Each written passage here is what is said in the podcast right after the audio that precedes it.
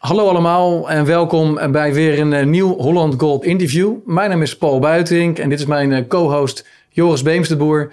En vandaag hebben we weer een hele bijzondere gast, eh, Edin Mujagic. Maar voordat ik hem verder ga introduceren, wil ik eerst het, een, dankwoord richten aan alle kijkers. we hebben dit kanaal nu een paar maanden en krijgen heel veel positieve feedback. dank daarvoor. vergeet je ook niet te abonneren als je dat nog niet hebt gedaan. Want hoe meer abonnees en hoe meer kijkers, hoe meer video's we kunnen gaan maken. Ja, zoals gezegd, uh, vandaag een, een hele bijzondere gast, uh, Edin Mujagic. Edin, welkom. Dankjewel, Paul. Uh, wij kennen elkaar natuurlijk al enige tijd. Je bent monetair econoom. Je bent ook verbonden als hoofdeconoom bij vermogensbeheerder OHV. Klopt. En uiteraard auteur van, van menig boek. je laatste is Keerpunt 1971. Die hebben we hier liggen. We gaan daarvan vijf exemplaren weggeven aan, aan de leukste comments. Dus iedereen laat hem een leuk bericht achter onder de video waarom je graag dit boek wil hebben. En eh, de vijf winnaars eh, selecteren we de komende weken. Met jou gaan we vandaag eh, praten over de monetaire ontwikkelingen, over de situatie in Oekraïne, inflatie, centrale bankbeleid en, en misschien zelfs een, een nieuwe Bretton Woods die eraan komt. Maar laten we beginnen met, met Oekraïne. je bent zelf natuurlijk in het verleden uit Joegoslavië gevlucht. Er was oorlog, er was, er was hyperinflatie. wat, wat, wat doet die hele situatie in, in Oekraïne met je? Ten eerste is het zo, elke keer als je die beelden ziet van die mensen, je weet precies waar die mensen doorheen gaan, wat ze allemaal meemaken. En uh, een van die zaken is, het zijn allemaal mensen die tot aan gisteren of een week geleden, net zoals wij, eigenlijk alles hadden in hun leven. Hadden een huis en een auto en van alles. Eh.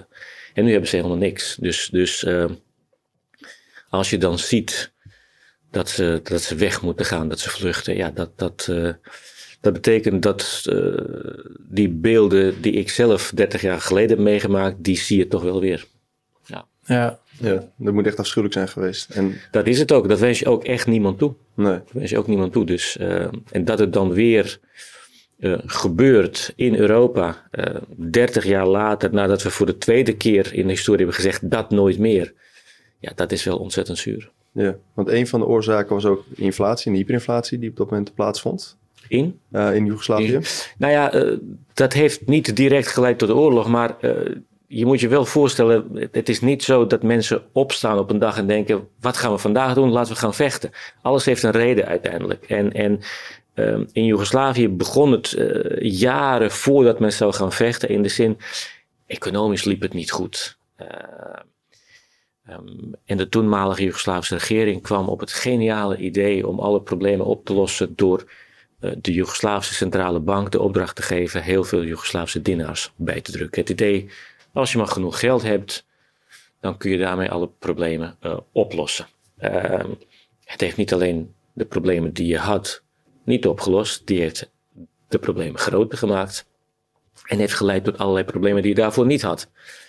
En ehm, een van de belangrijkste kanalen waar langs dat gaat, is dat hoe meer geld je bijdrukt, des te minder uh, het waard wordt. Inflatie liep volledig uit de hand. En dan, dat heeft uh, desastreuze economische effecten. Maar laten we ook niet vergeten desastreuze maatschappelijke effecten. Want economie en maatschappij kun je niet loszien van elkaar. Als er dingen veranderd worden in één van die twee, dan kun je erop wachten dat er ook in het tweede deel dingen veranderen. Dus als er iets begint uh, in het domein van economie, zijpelt het door uiteindelijk naar de maatschappij. Want nu zitten we weer in een tijdperk waarbij de inflaties oplopen. Centrale banken die verwachten in het begin dat het tijdelijk was. Nu blijkt het toch niet zo te zijn. Ja. Wat uh, zijn de oorzaken op dit moment van inflatie binnen Europa? Nou, wat je heel vaak hoort en heel veel over leest, is dat omdat uh, Rusland en uh, Oekraïne vechten, dat gas- en stroomprijzen daardoor zijn gestegen dat de prijs van granen is, is gestegen en blijft stijgen. Uh, en dan ligt het heel snel voor de hand om te concluderen dat het daar vandaan komt. Uh, maar dat is niet alles. Dat, dat, dat is wel het meest duidelijke wat je nu ziet. Maar dat is geen synoniem dat het alleen maar uit die hoeken komt. Uh, je kunt ook zeggen dat het voor een deel is het, is het, het gevolg van dat je al tien jaar lang of, of het nou over de Fed hebben of, of, of de, de Europese Centrale Bank. Je bent al 10, 15 jaar lang uh, bezig met geldpersen aan te zetten en, en, en heel veel nieuw geld uh, in de economie te stoppen. Um, we weten dat dat vroeg of laat tot uh, inflatie gaat leiden. Hoe lang het duurt, dat weet je niet. Dat hangt samen met hoe snel dat geld in de economie komt. En daar schortte het afgelopen jaren veel aan. Het bleef vloeien naar de financiële markt. Vandaar die lage rentes. Vandaar de, de, dat de huizenprijzen zo hoog zijn. Maar vroeg of laat zijpelen door. En, ik, ik kan me heel goed voorstellen dat, dat een deel van dat doorcijpelen van, van die. Uh, uh, van, van die geldpersen aanzetten. Wat dus helemaal niks met Oekraïne te maken heeft. Dat je ook dat effect nu langzaam maar zeker ziet. Uh, dus er zijn heel veel dingen die samenkomen nu. Uh, Oekraïne, uh, graanprijzen, stroomprijzen, dat ligt voor de hand omdat we dat heel snel merken met z'n allen. Maar dat is echt niet alles. Want er zijn ook veel eenmalige gebeurtenissen die ervoor hebben gezorgd dat de inflatie op dit moment stijgt. Zoals de supply chain, uh, ja. nu het sluiten, de lockdown in Shenzhen. Um, kan dat op een gegeven moment ook permanent worden? Al die eenmalige gebeurtenissen of neemt het allemaal af? Toen ik monetaire economie ben gaan studeren in 1998, uh, heb ik altijd geleerd dat je als centrale bank uh, vroegtijdig moet optreden om te voorkomen dat inflatie een eigen leven gaat leiden. Uh, en dat betekent heel simpel, voorkomen is echt beter dan genezen. Want we weten, als je inflatie moet gaan genezen, dan moet je van die rare monetaire fratsen gaan uithalen, zoals Volker eind jaren 70, dat je de rente naar 20% moet verhogen. Ja, dat doet echt heel veel pijn in de economie en bij mensen. Dus daar wil je niet naartoe. Nou, de enige manier om te voorkomen dat je die kant op moet gaan, is in een vroeg stadium ingrijpen. Want dan kun je het, hetzelfde bereiken met veel minder renteverhogingen. Als ik nu luister naar de mensen eh, die met name bij de uh, Europese Centrale Bank zitten, ik lees dat heel vaak in uh, interviews en in toespraak, zeggen ze ja, wij, wij maken ons geen zorgen over, over die tijdelijk hogere inflatie, uh, zolang het niet in de lonen gaat zitten. Dan denk ik, wacht eens even.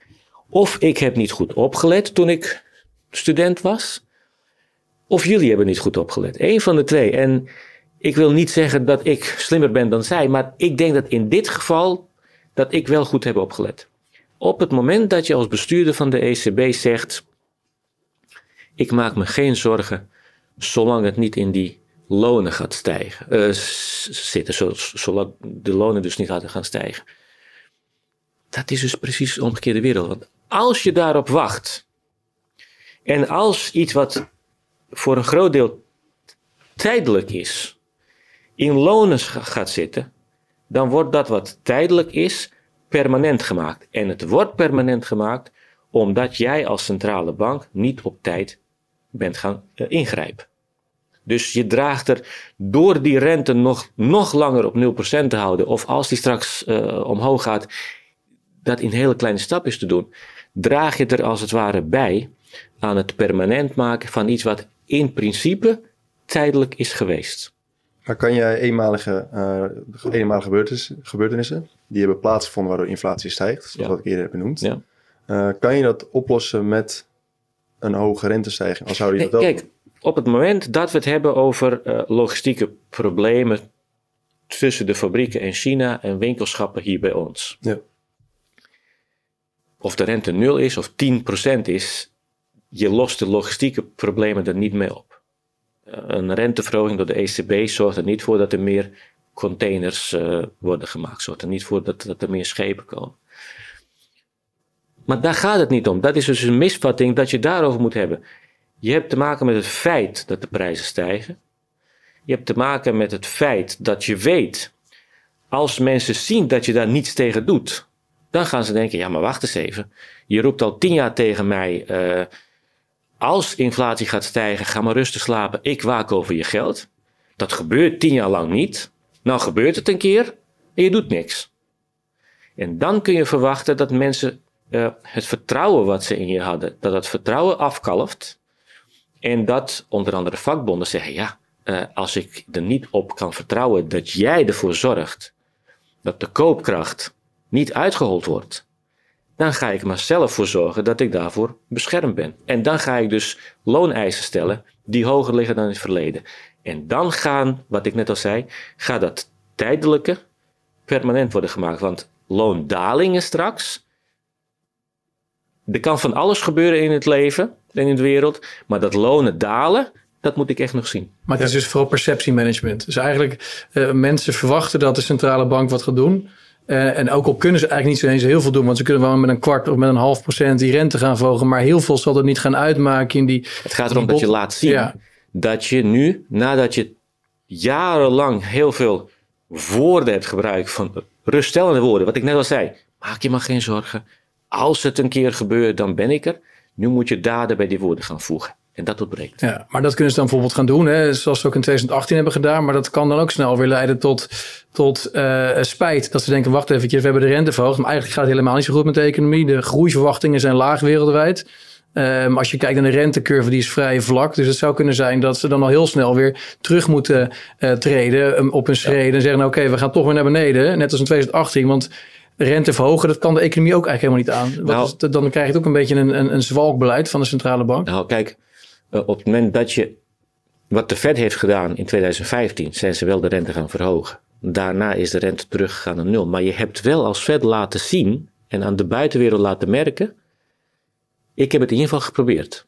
Heeft de ECB niet gedaan. Um, en als we het dan hebben over, over de omgeving waarin u zit. De groeiramingen zijn lager. Doordat Rusland en uh, Oekraïne vechten en alle gevolgen van dien. Maar nog steeds kijken we aan tegen uh, groei dit jaar die we heel lang niet hebben meegemaakt. daar komt bij dat nu zelfs de ECB zegt dat ze ervan uitgaan dat de inflatie dit hele jaar 5,1% zal zijn. Nou, ik, het kan mij niet schelen wat jouw manier van afronden is, om, of wat jouw, uh, hoe ruim jouw definitie van 2% is. Maar 5,1% is gewoon veel en veel te hoog. En dan ben ik de eerste die begrijpt dat je natuurlijk met renteverhogingen loop je een risico dat uh, de economische groei afgeremd wordt. Uh, ja, maar dat is nooit anders geweest. De huidige economische of de verwachte economische groei is zodanig dat die vraagt om een beetje afgeremd te worden. Kijk, als je economie afremt van 1% of van 4%, dat maakt wel heel wat uit. Bij 4% afremmen is er niet veel aan de hand. En bovendien, en dat, dat is eigenlijk de kern je laat zien dat je uh, daden voegt bij je woorden. En als je dat niet laat zien, dan zet je het meest waardevolle wat je als centrale bank uh, hebt. Je reputatie. Ja. En dat heb je niet op je balans, nee. maar dat is je reputatie. Dat is het vertrouwen wat de buitenwereld in je heeft. En ik kan me heel goed voorstellen dat het vertrouwen in de Fed aanmerkelijk uh, hoger is dan in de Europese Centrale Bank. Want die zegt zelf wij mikken op 2%. We zitten met 5%. En we doen eigenlijk heel weinig. En de Fed is ook natuurlijk nog eens de centrale bank, niet alleen van uh, de Verenigde Staten, maar eigenlijk van de hele wereld. Omdat ja. uh, ze de, de wereldreservemunt uitgeeft. Ja. Dus die heeft niet alleen de lokale belangen te dienen, maar ook uh, de wereldwijde belangen. Die let niet op dat laatste hoor.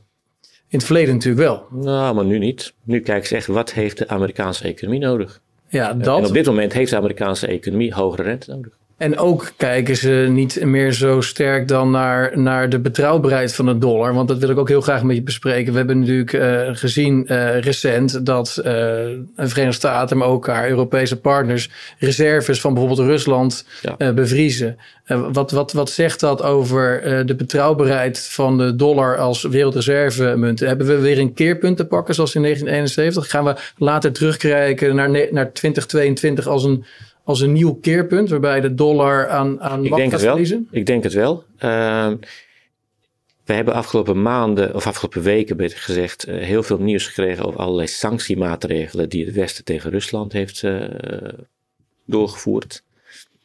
Ehm, ik moet je zeggen, twee meest opmerkelijke uh, waren dat een heleboel Russische banken afgesneden werden van het internationale betalingsverkeer is één. Nou, dat hebben we in het verleden al een paar keer meegemaakt met wat kleinere landen. Dus ergens is het, is, is het wel opzienbarend omdat het zo'n groot land is, maar ergens ook weer niet. Maar wat echt opzienbarend is, is dat er ook maatregelen zijn ingesteld tegen de centrale bank van Rusland. En dat is altijd een soort ongeschreven regel geweest van we hoeven niet met elkaar te gaan praten, eh, we kunnen zelfs met elkaar gaan vechten en ik kan verbieden dat iemand jouw spullen koopt of ik kan verbieden dat spullen uit mijn land naar jouw land gaan. Maar van de centrale bank blijf je af. Nu is het zo dat die centrale bank van Rusland eigenlijk niks kan. En dat zelfs de BIS, de Bank voor Internationale Betalingen, ja, zeg maar de, de, de centrale bank van centrale banken, die, die dan onpartijdig uh, uh, uh, altijd is geweest in dit soort conflict, die doet er ook aan mee. En dat is een keerpunt. Ja, de dollar wordt nu echt Dat is een keerpunt. Ja. Want je kunt er niet meer op aan als centrale bank van Rusland of morgen China of welk ander land dan ook, dat je niet meer een soort monetaire onschendbaarheid hebt. Nee. Dat is weg. Dus dat zal de Chinezen ook aan denken zetten, die nog steeds een enorme dollarreserve. Ik kan me heel goed voorstellen dat men daar nu denkt van, oké, hier moeten we dus ook rekening mee houden, mocht het uit de hand lopen. Ja, en eh, we lazen ook dat uh, Saudi-Arabië nu overweegt om, om, een, uh, om een stukje van de olieverkoop in yuan uh, te accepteren. Uh, sinds 1973, sinds Kissinger een deal maakte ja. met de Saudis, hebben we natuurlijk een petrodollar standaard sinds 1973. Ook een, een nou, geen keerpunt, wel een belangrijke, ja. belangrijke datum. Um, 80% van alle uh, oliehandel vindt plaats in, in dollars. Als Ehm, de Saudi-Arabië nu denkt van wacht eventjes, de deal was vroeger, je zou ons beschermen en in ruil daarvoor zouden wij uh, handelen in, in dollars. Maar die bescherming uh, lijkt weg te vallen. De Verenigde Staten vertrekt uit Afghanistan, ja. maakt weer deals met, met Iran, be bevriest dollarreserves. Saudi-Arabië is ook een beetje aan het, aan het bewegen. Ja. Um, hoe, hoe, zie jij uh, dit uh, zich ontvouwen? Zeg maar niet de komende maanden, want uiteindelijk dit, dit soort projecten duren lang. Maar nou, naar wat voor nieuwe Bretton Woods, uh, want 1944 hadden we Bretton Woods. Naar wat voor nieuwe constellatie uh, gaan we de komende jaren? Nou, kijk, ik, ik ben maar een simpele econoom die zich bezighoudt met centrale banken. Dit zijn hele uh, andere zaken waar we het over hebben. Maar ik kan mij niet aan de indruk onttrekken dat, het, dat die nieuwe opstelling van de Amerikanen er ook mee te maken heeft met in twee dingen die uh, heel dicht bij monetaire economie aankomen. Eén is dat Amerika nu veel en veel minder afhankelijk is van olie uit andere landen dan het vroeger het geval is geweest. Uh, ik geloof dat uh, Amerika zelf nu voor ruim 90% zelfvoorzienend is. Ja, dat, dat, dat maakt de noodzaak om het hele Midden-Oosten, uh, om daar een militaire defensie te verlenen, wat heel veel geld kost, uh, veel minder. Dat is één. Uh, twee, een andere bijvangst als het ware van die uh, regeling uit de jaren zeventig van ik bescherm jou als jij maar ervoor zorgt dat je geen druppel olie verkoopt voor een andere munt, alleen maar de dollar. een van de bijkomstigheden daarvan is dat landen in het Midden-Oosten heel veel Amerikaanse dollars hadden. En daar moet je iets mee. En dan, dan, dan, dan ga je het beleggen. Je wilt uh, gaan beleggen zonder dat je wisselkoersrisico loopt. Dus dan ga je, als je dollars hebt, de enige manier om geen wisselkoers te, te lopen, uh, is dat je dat investeert in Amerika. Nou, investeren in Amerika zit je al heel snel in Amerikaanse staatsobligaties. Hielden die Amerikaanse rentes altijd stukken lager dan die anders waren geweest. Ook op dat gebied is er nu iets uh, ingrijpends gewijzigd, want het is in Amerika nu uh, algemeen geaccepteerd dat je uh, om die rentes laag te houden niet meer afhankelijk hoeft te zijn van een Saudi-Arabië dat zijn dollars investeert in Amerika, maar dat je dat ook zelf door je eigen centrale bank kunt laten doen.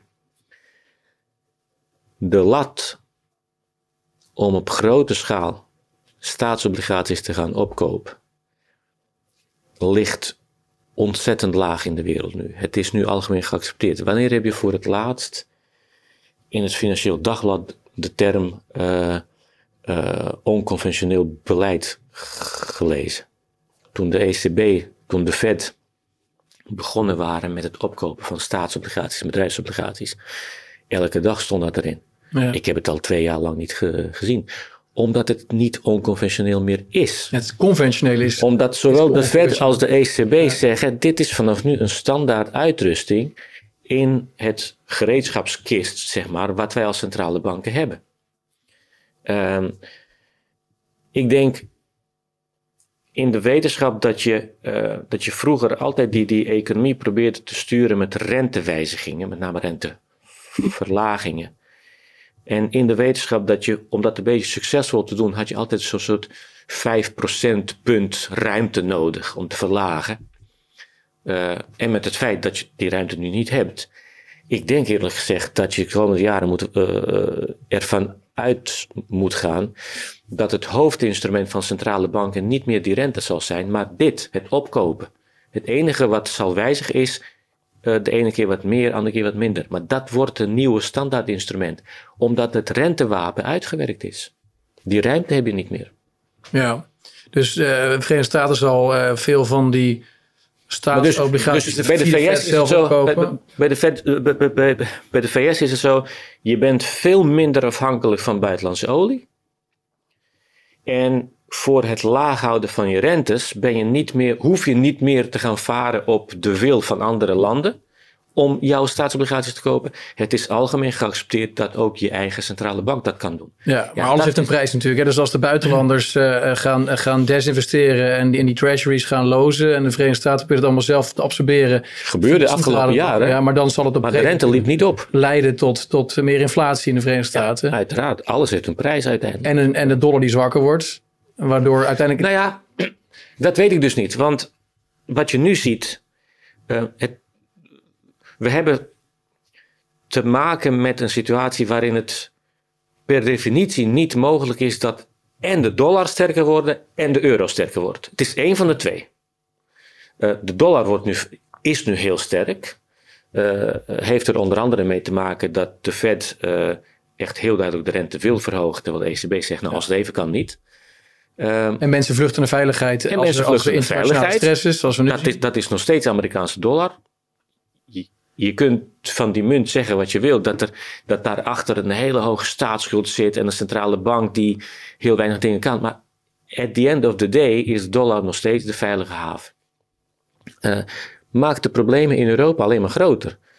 Want in tegenstelling tot Amerika zijn wij alles behalve uh, onafhankelijk van de toevoer van olie en gas uit andere landen.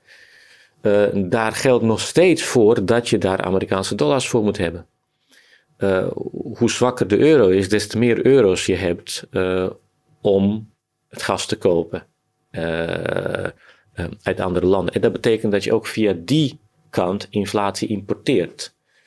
Ehm, dus dat is ook een kanaal waar langs je ziet hoe, wat voor gevolgen het heeft dat de ECB echt nauwelijks iets doet tegen, tegen het feit dat, dat, dat de bank zelf zegt: dit jaar gaan de prijzen met 5% stijgen als alles meezit. Ja. Ik, dat is wel een hele grote als. Ik las in het FD net dat in Nederland al 8% misschien inflatie wordt verwacht door CPB. Daarom. Maar dat is de, de ECB die, uh, die importeert inflatie omdat uh, de, de euro zwak is. Dat komt er ook allemaal nog eens bij. En daar heb je ook in, over geschreven volgens mij deze week in een column. Ja. Uh, kun je dat nog iets, iets verder uit, uitrollen, dat, die gedachte? Nou kijk, het, het idee in heel veel landen die de euro hebben is dat als je eigen munt maar zwakker wordt, dat het ten goede komt aan de eh, exporteurs en dat dat ten goede kom, komt via die weg aan de economische groei. Uh, je vergeet daar heel snel dat je ook heel veel dingen importeert, waaronder olie. Dus het voordeel aan de exportkant kan zomaar ongedaan worden gemaakt aan het feit dat, dat je ook spullen uit andere landen haalt.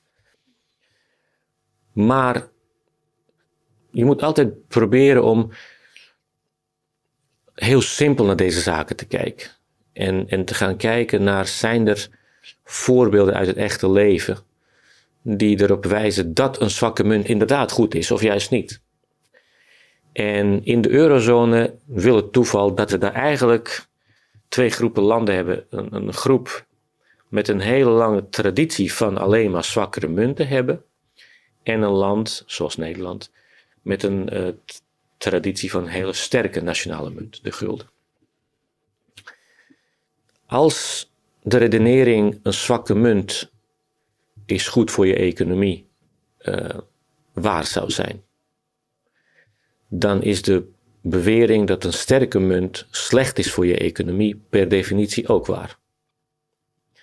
En als, dat, als die twee waar zouden zijn, dan zouden Griekenland, Portugal, Spanje en Italië nu die sterke eurolanden uh, zijn waar iedereen het over heeft.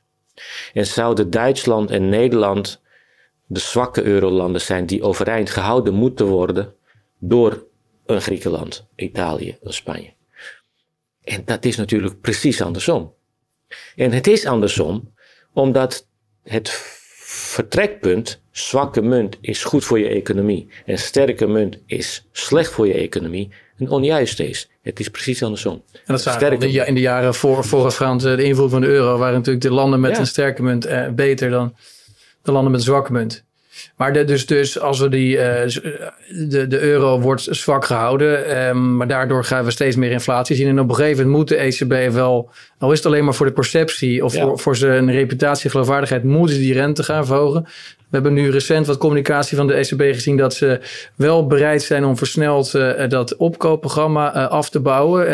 Uh, zijn dat positieve signalen wat jou betreft of is het allemaal voor, voor de bühne? Kijk, op het moment dat je te maken hebt met stijgende inflatie, die uh, veel te hoog is gezien waar je naar streeft, dan weten we uit het verleden dat je dat alleen maar kunt uh, bevechten door de rente behoorlijk te verhogen. Het minder opkopen van staatsobligaties is echt niet de tweede orde afgeleid, maar vierde orde afgeleid van wat een juist monetair beleid zou zijn in deze omgeving. Dus in plaats van die rente te verhogen, gaan ze zeggen: ja, wij, wij komen in actie door uh, niet meer 40 miljard euro per maand te besteden aan opkopen van nieuwe schulden, maar slechts 30 miljard. Is nog steeds 30 miljard meer dan in normale tijden, want in normale tijden doe je dat niet. En de rente blijft nul. Dus je doet eigenlijk, formeel gesproken doe je iets, want je bent wel aan het minderen. Maar in feite doe je echt helemaal niks. Een junk die zegt van nou, in plaats van drie, drie spuitjes ga ik met twee spuitjes per dag. Dit is niks. En bovendien, bovendien, en daar gaat een groot deel van het uh, analistengilde uh, helaas totaal aan voorbij. Als de ECB zegt wij spenderen volgende maand 40 miljard aan het opkopen van staatsobligaties. In werkelijkheid gaat het om 70 miljard, want de ECB heeft altijd gezegd, en dat gaat gewoon door. Elke cent die wij krijgen als eigenaar van al die opgekochte obligaties, dus als die obligaties afgelost worden, als je rente ontvangt uh, daarover, elke cent wordt linea recta terug ge geherinvesteerd in nieuwe obligaties. Dus die 40 miljard waar we het over hebben, dat is gewoon extra geld dat erbij komt. Die herinvesteringen, dat is inmiddels zo'n zo 30 miljard per maand, omdat de ECB al zoveel gekocht heeft. Dus we hebben het in feite over 70 miljard euro per maand, wat er op, uh, op die markt van obligaties uitgestrooid wordt. Uh, ik zou echt niet weten, met de beste wil van de wereld en met de, de, de ruimst mogelijke fantasie die je maar kunt hebben, zou ik niet weten hoe je dit kunt scharen onder een krapper monetair beleid. Kunnen we dan nog wel naar, uh, kunnen we nog wel stoppen met deze financieringsmogelijkheden? Ja, natuurlijk kan dat.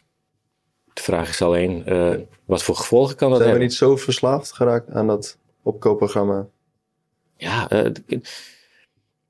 en wie is we? Hè? Ja, is ik we? kan, ik kan ja. nou ja, we is, we is de muntunie. Ja. Kijk. De politieke elite, de Brussel. Nou ja, uiteindelijk wij met z'n allen. Um, op het moment. Nee, sorry. In een situatie waarin Italië uh, de lieren heeft, is een Italiaans financieel probleem precies dat: Italiaans financieel probleem. Maar op het moment dat je samen een munt deelt, is een Italiaans financieel probleem ineens een financieel probleem van alle andere eurolanden. Um, dus dat, we de rente, dat de ECB de rente ooit naar 0% heeft gebracht, vond ik altijd te ver gaan. Maar laten we aannemen dat het toen moest. Je houdt de rente op 0% en je houdt de rente daar gedurende een jaar of zo. En daarna ga je weer, zodra de acute nood voorbij is, ga je de rente weer aan, uh, normaliseren. Dan is er eigenlijk heel weinig aan de hand. En de belangrijkste reden is waarom er weinig aan de hand zou zijn geweest, is dat de economie, eh, de markten, eh, de overheden, huishoudens, het bedrijfsleven geen tijd heeft gehad om verslaafd te worden aan 0% rente.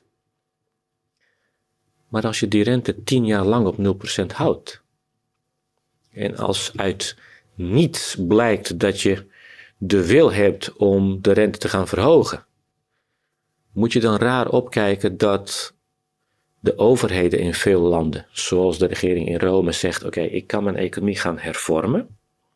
Ik weet dat dat op middellange termijn voordeel oplevert, maar ik weet dat voordat ik bij dat zoete deel kom, dat, dat er eerst zuur komt. Eerst doet het pijn. Dat is mijn optie A. Mijn optie B is gewoon doorgaan wat ik altijd al deed. Uh, wat ga je kiezen? Nou, je kiest voor optie B als je overtuigd bent dat er niet ergens iemand zal zijn die geld lenen, want dat is het, het model, geld lenen duurder gaat maken. Nou, dan ga je kijken naar de ECB en dan luister je naar de bank. En die bank zegt keer op keer, ja, wij, wij, wij houden de rente op nul. Is het dan heel vreemd dat zo'n regering in Rome zegt, weet je wat, doe mij maar mee. Daarmee zorg je ervoor dat die schulden blijven oplopen. En naarmate de schulden hoger worden, uh, wordt het steeds moeilijker en moeilijker voor je om de rente te verhogen. Want het niveau van de rente waarbij geld dat het pijn gaat doen, komt steeds lager en lager te liggen. En wat, wat is jouw oplossing voor het Europese schuldenprobleem dan? Want als we de rente gaan verhogen, uh, dan zullen veel van die landen misschien wel moeten defaulten. En dan hebben we ook natuurlijk een vastgoedbubbel die, uh, die uh, uit elkaar. Dat wil natuurlijk niemand. Wat is, als jij, als jij het voor het zeggen zou, je zou de, nou, de bijvoorbeeld, je zou de voorzitter zijn van de ECB, wat zou jouw remedie zijn nu? Ik denk dat dat voor de kijkers eigenlijk ontzettend onbelangrijk is wat ik zou doen. Ik denk dat de kijkers het toch wel graag zouden willen weten. Wat voor, wat voor de kijkers, wel in ieder geval. Wat voor de kijkers heel belangrijk is, is dat, je, uh, dat wij ze misschien helpen om te zien wat er gaande is. En als je concludeert dat de hoge schulden het probleem zijn, dan ga je dus zo kijken hoe kan ik dat probleem gaan oplossen.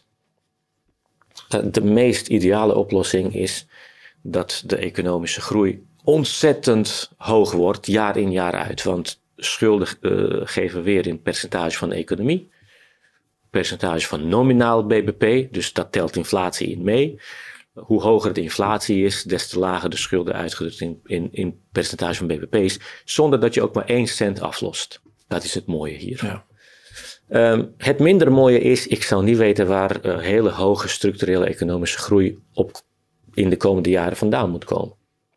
Dus er kan een streep door die ideale oplossing heen.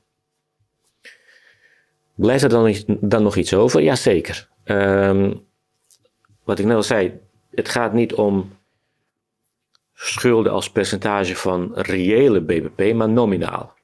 Nou, als die economische groei, de echte economische groei, wat we met z'n allen maken, als dat een beetje laag blijft, nou, je kunt het wel compenseren met hoge inflatie. Dat noemen wij uh, met de mooie term financiële repressie. Uh, dat gaat niet gebeuren, dat is al gaande. Uh, maar de vraag is hoe lang komen ze daarmee weg natuurlijk? Want dat, nou ja, is, dat is een beetje een sluipmoord. Tot nu toe heel lang. Het is doodgaan door duizenden prikjes. Zeker. Maar dat bij ons de ECB zegt wij verwachten 5% inflatie en we doen niks, is gewoon financiële repressie. Zonder dat ze het zo zeggen. Um, dus voor een deel zit er daarin. Het nadeel hiervan, of er zijn twee nadelen aan die oplossing. Eén, uh, het duurt te lang en die tijd hebben we niet. En twee, het heeft allerlei nare, ongewenste bijeffecten. Mensen die er gewoon op achteruit gaan. Uh, en dat niet pikken op een gegeven moment. En dat, dat gewoon niet accepteren. En terecht ook. Uh, en ze accepteren. En het, de wijze waarop ze uiten dat ze het niet accepteren, kan zijn dat ze hogere looneisen gaan stellen. Nou, zit je met een loonprijsspiraal, heb je dus nog steeds helemaal niks opgelost aan je inflatieprobleem. Maar het kan ook tot uitdrukking komen uh, in de vorm van hun stemgedrag. Als mensen boos zijn, als mensen verontwaardigd zijn, dan nemen ze dat gevoel mee het stemhokje in. En dat kan dus ook betekenen dat er heel veel mensen die in principe er heel veel heil in zien dat we een gemeenschappelijke munt hebben, uh, doordat ze zo boos zijn, doordat ze verontwaardigd zijn, zeggen: Weet je wat? Nu niet. Ja. Ik zeg niet of dat goed is of slecht. Persoonlijk vind ik het uh, goed dat we een, een, een gemeenschappelijke munt hebben. Maar het, de kans op het uiteenvallen daarvan als gevolg van die boosheid uh, uh, zou ook zeer grote negatieve economische effecten hebben. Al is het maar in het begin.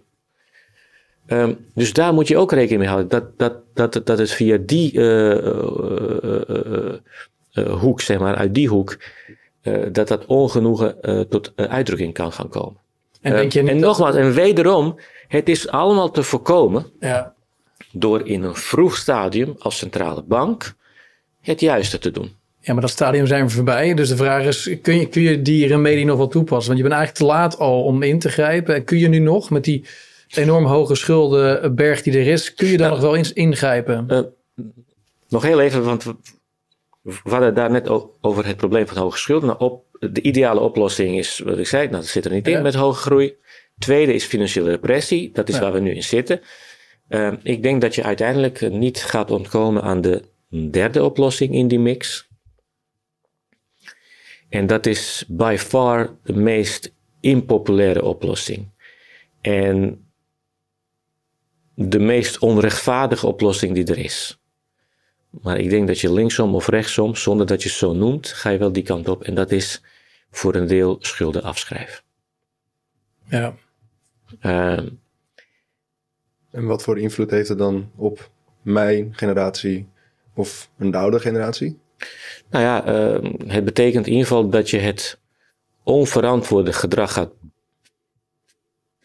belonen, als het ware. Uh, het verantwoorde gedrag straf je af. Daarmee geef je een signaal naar de toekomst toe. Alleen maar.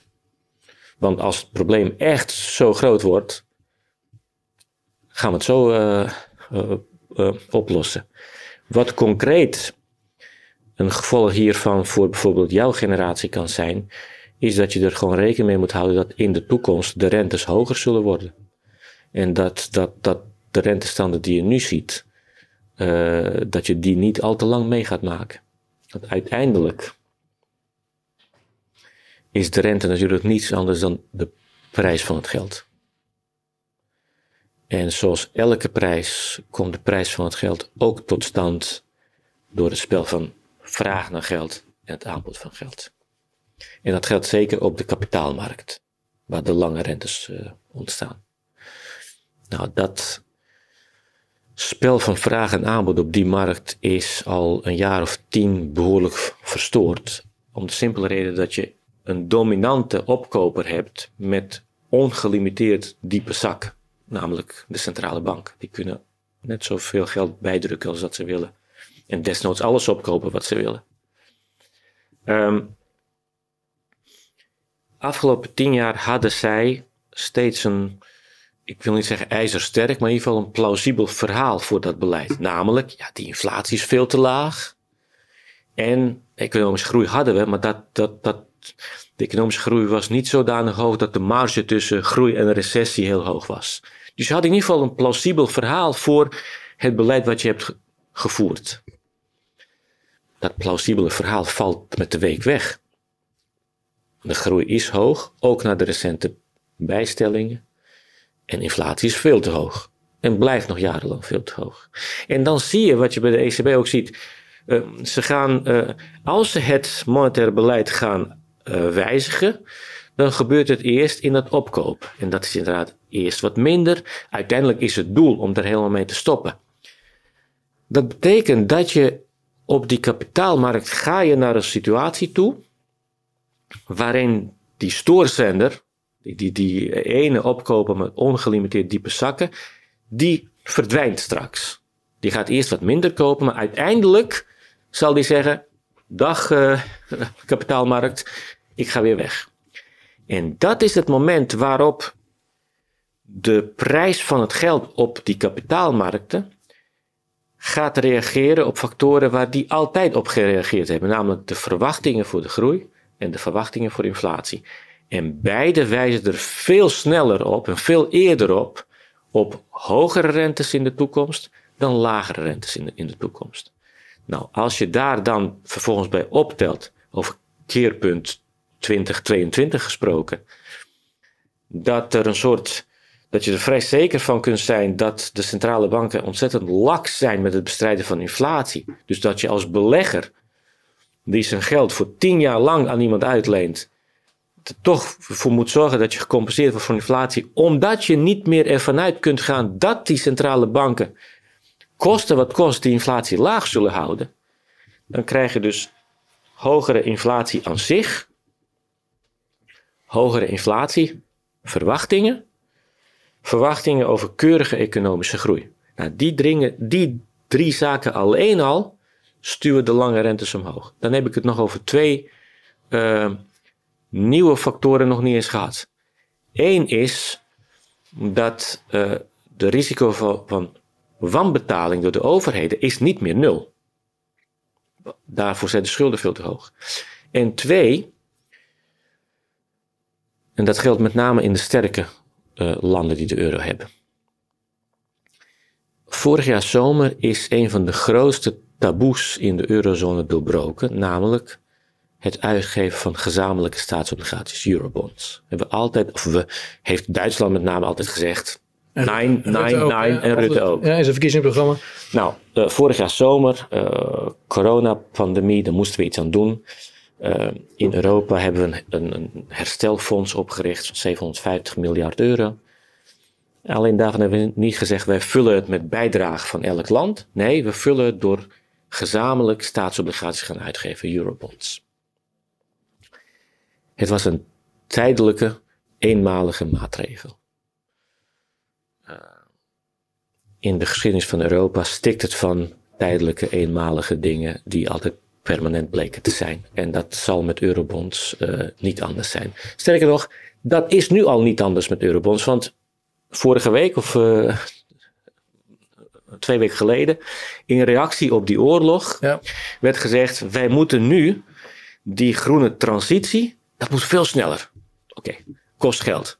Geld dat we niet hebben. Nou, meteen werden geroepen, maar we kunnen het gaan, omdat, het, omdat we met z'n allen dat moeten doen, moeten we het gaan financieren met nieuwe eurobonds. Daar zie je het al. Eenmaal gebruikt, wordt het een instrument dat vaker gebruikt gaat worden. Wat is de relevantie met betrekking tot die lange rentes in de toekomst? Heel simpel en voor de kijkers thuis. Stel je eens voor, je hebt een glas met heet water en een glas met koud water. En je gaat die twee bij elkaar voegen. Het water wat je krijgt is lauw water. Dat glas met heet water, dat zijn de rentestanden in de zwakke euroland. En glas met koud water, dat zijn de rentestanden in de sterke eurolanden. In de zwakke eurolanden altijd hoger dan hier bij ons. Als je die twee samen gaat voegen, ontstaat er lauw water. Betekent in rentetermen dat die nieuwe gemeenschappelijke rente lager zal zijn dan de rente die een Italië nu betaalt. Maar de prijs letterlijk daarvoor is dat de rente die de sterke landen betalen hoger zal zijn. Simpelweg omdat beleggers in de rest van de wereld, die in de toekomst een Nederlandse staatsobligatie willen kopen of een Duitse staatsobligatie willen kopen, waar ze zich in het verleden de vraag hoefden, alleen maar hoefden af te vragen: kan Nederland zijn schulden hebben? Kan Duitsland zijn schulden hebben? Antwoord was altijd heel snel ja. Nu is die vraag aangevuld met: kan Nederland ook deel van Italiaanse schulden? Want je staat min of meer impliciet en straks ook expliciet garant voor een deel van Italiaanse schulden. En dat betekent niet dat er niemand in de toekomst geld zou willen uitlenen aan Nederland of aan Duitsland. Maar dat betekent wel dat de kans groot is dat dat niet gaat gebeuren tegen de huidige rentes. Ehm, en hoe kan de belegger hier dan zich op inspelen? Er gaat, er gaat nog genoeg gebeuren. De rentes gaan ja. omhoog omhoog. door de grondstoffen daar ja. los staan. Die zullen ook waarschijnlijk, die zijn al wat duurder geworden, zullen nog ja. omhoog gaan. Um, hoe kan mijn generatie en de vermogende generatie, uh, ik noem mezelf meer de schuldengeneratie, we hebben nog nooit zo hoge schulden gehad, uh, en de vermogende generatie hierop inspelen? Nou, het is ontzettend saai, maar de eerste les van beleggen luidt spreiden, spreiden, spreiden. En ik denk dat dat in deze situatie met heel veel onzekerheden belangrijker is dan ooit. En dat betekent dat je je vermogen moet spreiden over veel beleggingscategorieën. Uh, dat betekent, als we, als we heel simpel naar een aantal van die categorieën kijken. Uh, uh, obligaties. Nou, als je verwacht dat de rente gaat stijgen, is de eerste conclusie, nou, je moet weg van obligaties. Want als de rente stijgt, gaat de prijs omlaag. Um, en toch moet je ook die obligaties als onderdeel van die mix meenemen. Maar dan moet je wel iets doen wat uh, uh, mensen op financiële markten met duration aangeven. Dus de, je moet ervoor zorgen dat de looptijd van je obligatieportefeuille heel kort is. Dus je niet voor acht jaar vastzit of tien jaar vastzit. Waarom heel kort? Omdat bij die stijgende rentes, als jij, ik noem maar wat, 100 obligaties in je portefeuille hebt of in een fonds waarin je je belegt. En als de looptijd gemiddeld twee jaar is, dan betekent dat dat om de twee jaar komt er een sloot geld vrij, want die obligaties worden afgelost, altijd tegen de nominale waarde. En dan kun je dat geld wat vrijkomt herbeleggen in nieuwe obligaties tegen hogere rente. Dus hoewel obligaties onaantrekkelijk ogen, is dat niet het geval, mits je ervoor zorgt dat de looptijden heel kort zijn. Dan kun je steeds profiteren van die rentestijging. Met, en dat is onderdeel van die mix, weinig risico. Nou, dan uh, het, andere deel van de mix waar, waar iedereen het over heeft. De aandelen. Um, 3%, 4% inflatie op termijn, weten we uit de historie, dat zijn geen inflatiepercentages waar de aandelenmarkt nerveus van wordt. Dat zijn, aandelen, eh, dat, zijn inflatiepercentages waar de aandelenmarkt zegt, nou, we kunnen het eigenlijk hebben. Vergeet ook niet, 3% inflatie, 4% inflatie eh, wil zeggen dat die prijzen doorberekend worden. Wil zeggen dat bedrijven dat kunnen doorberekenen aan jou en aan mij. Die rentes waar ik het net over had, die gaan stijgen, maar het gebeurt van zo'n laag niveau, gewoon nul.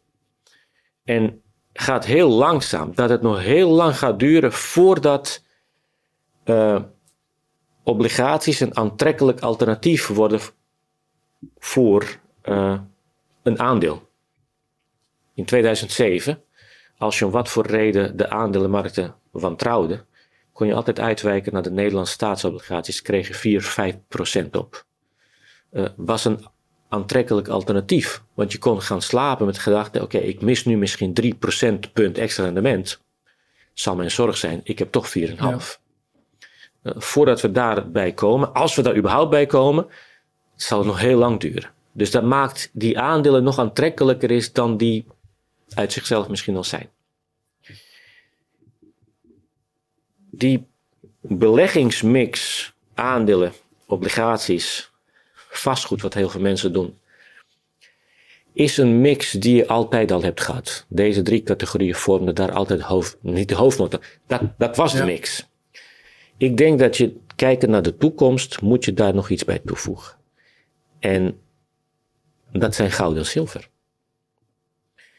En dat is om een hele simpele reden dat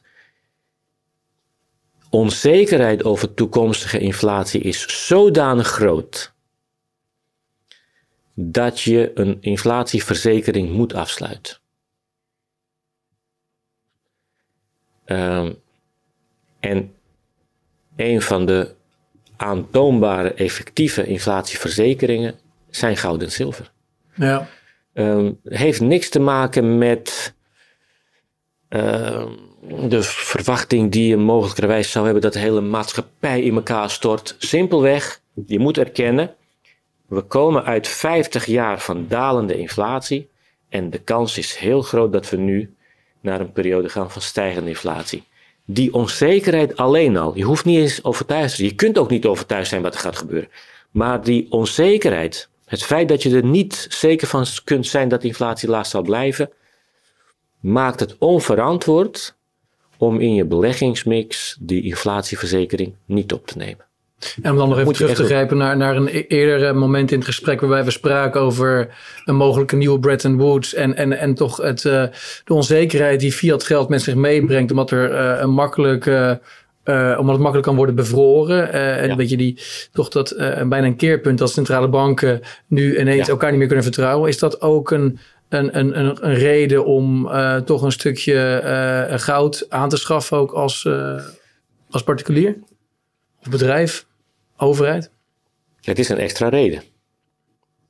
Maar voor mij als belegger is de voornaamste reden waarom je goud en zilver in die mix zou moeten opnemen, de grote onzekerheid en in mijn ogen tot, toch, maar dat is heel persoonlijk, overtuiging dat we nu een periode ingaan van structureel hoge inflatie.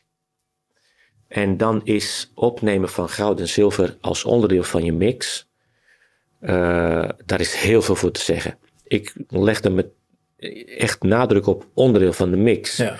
Want op het moment dat je al je vermogen in goud en zilver zou steken, dan zondig je tegen de eerste les van het beleggen, namelijk spreiden. Ja.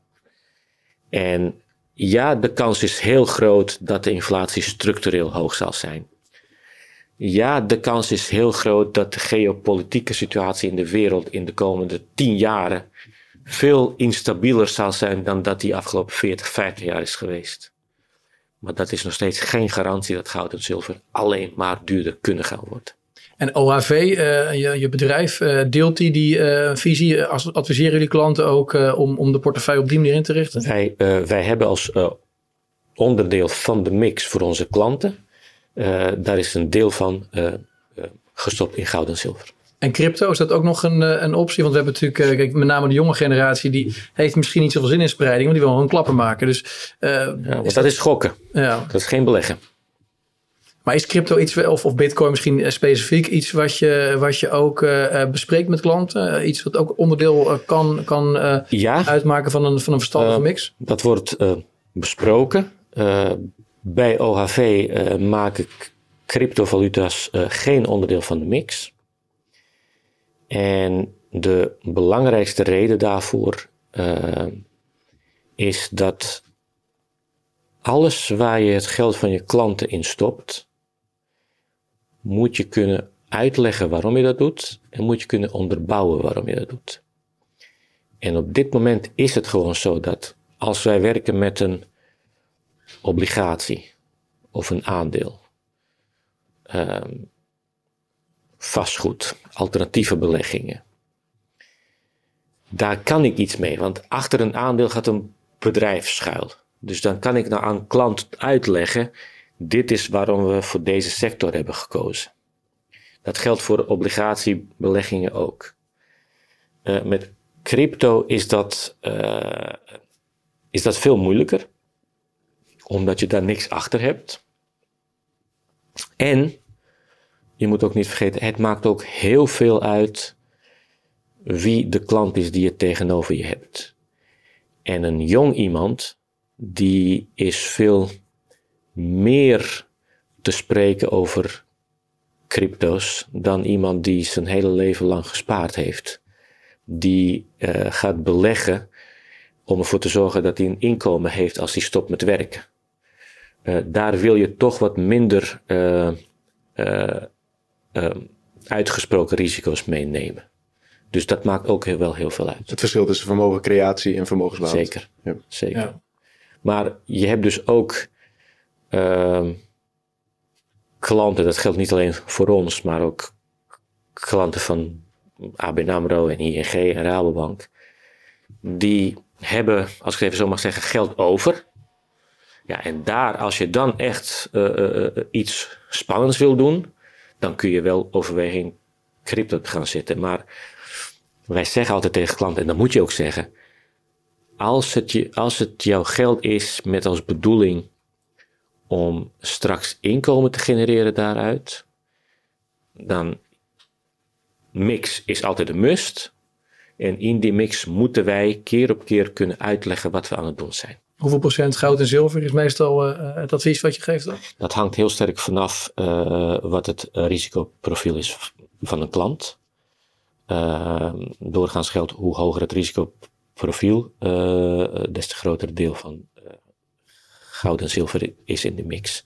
En dan moet je denken aan, aan, aan, aan een procent of vijf tot misschien tien. Ja, inderdaad. Ja. Ja, ja. Nou, heel nuttig ook om wat concrete adviezen te krijgen. Ik denk dat we een hoop besproken hebben. Zijn er dingen die, uh, die jij nog uh, wil toevoegen? Dingen die we uh, niet besproken hebben, maar die wel heel belangrijk zijn? Heb je nog een uur? Kijker? we hebben nog... nou, je kijkt even de cameraman aan, anders moeten we nou, ik denk, even volgen opnemen. Maar, nee, maar we, hebben denk, nog tijd, we hebben nog tijd. Ik denk dat het, dat, dat het voor de kijker heel belangrijk is om zich te realiseren. Maar dat zal hier heel snel wel het geval zijn. Dat hoe saai die wereld van centrale banken ook oogt. En hoe abstract die wereld ook oogt. Um, hoe irritant het misschien ook is dat je bezig moet houden met de Fed en de ECB die maar niks doen tegen die hoge inflatie. Je hebt geen luxe om je niet te verdiepen daarin. Want wat de centrale banken doen, dat is al jarenlang aan de gang. En dat is iets wat structureel zal blijken te zijn. Wat zij doen, beïnvloedt de waarde van je geld meer dan wat Mark Rutte bij ons in Nederland doet.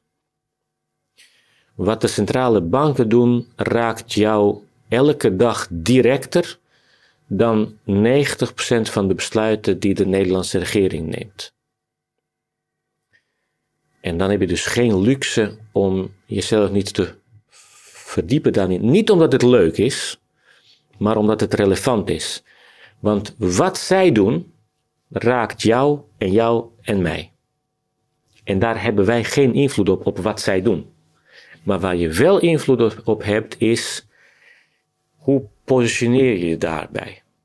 En ik denk dat, dat uh, um, ik zie het altijd zo, als je die inflatie als een soort, uh, soort golf ziet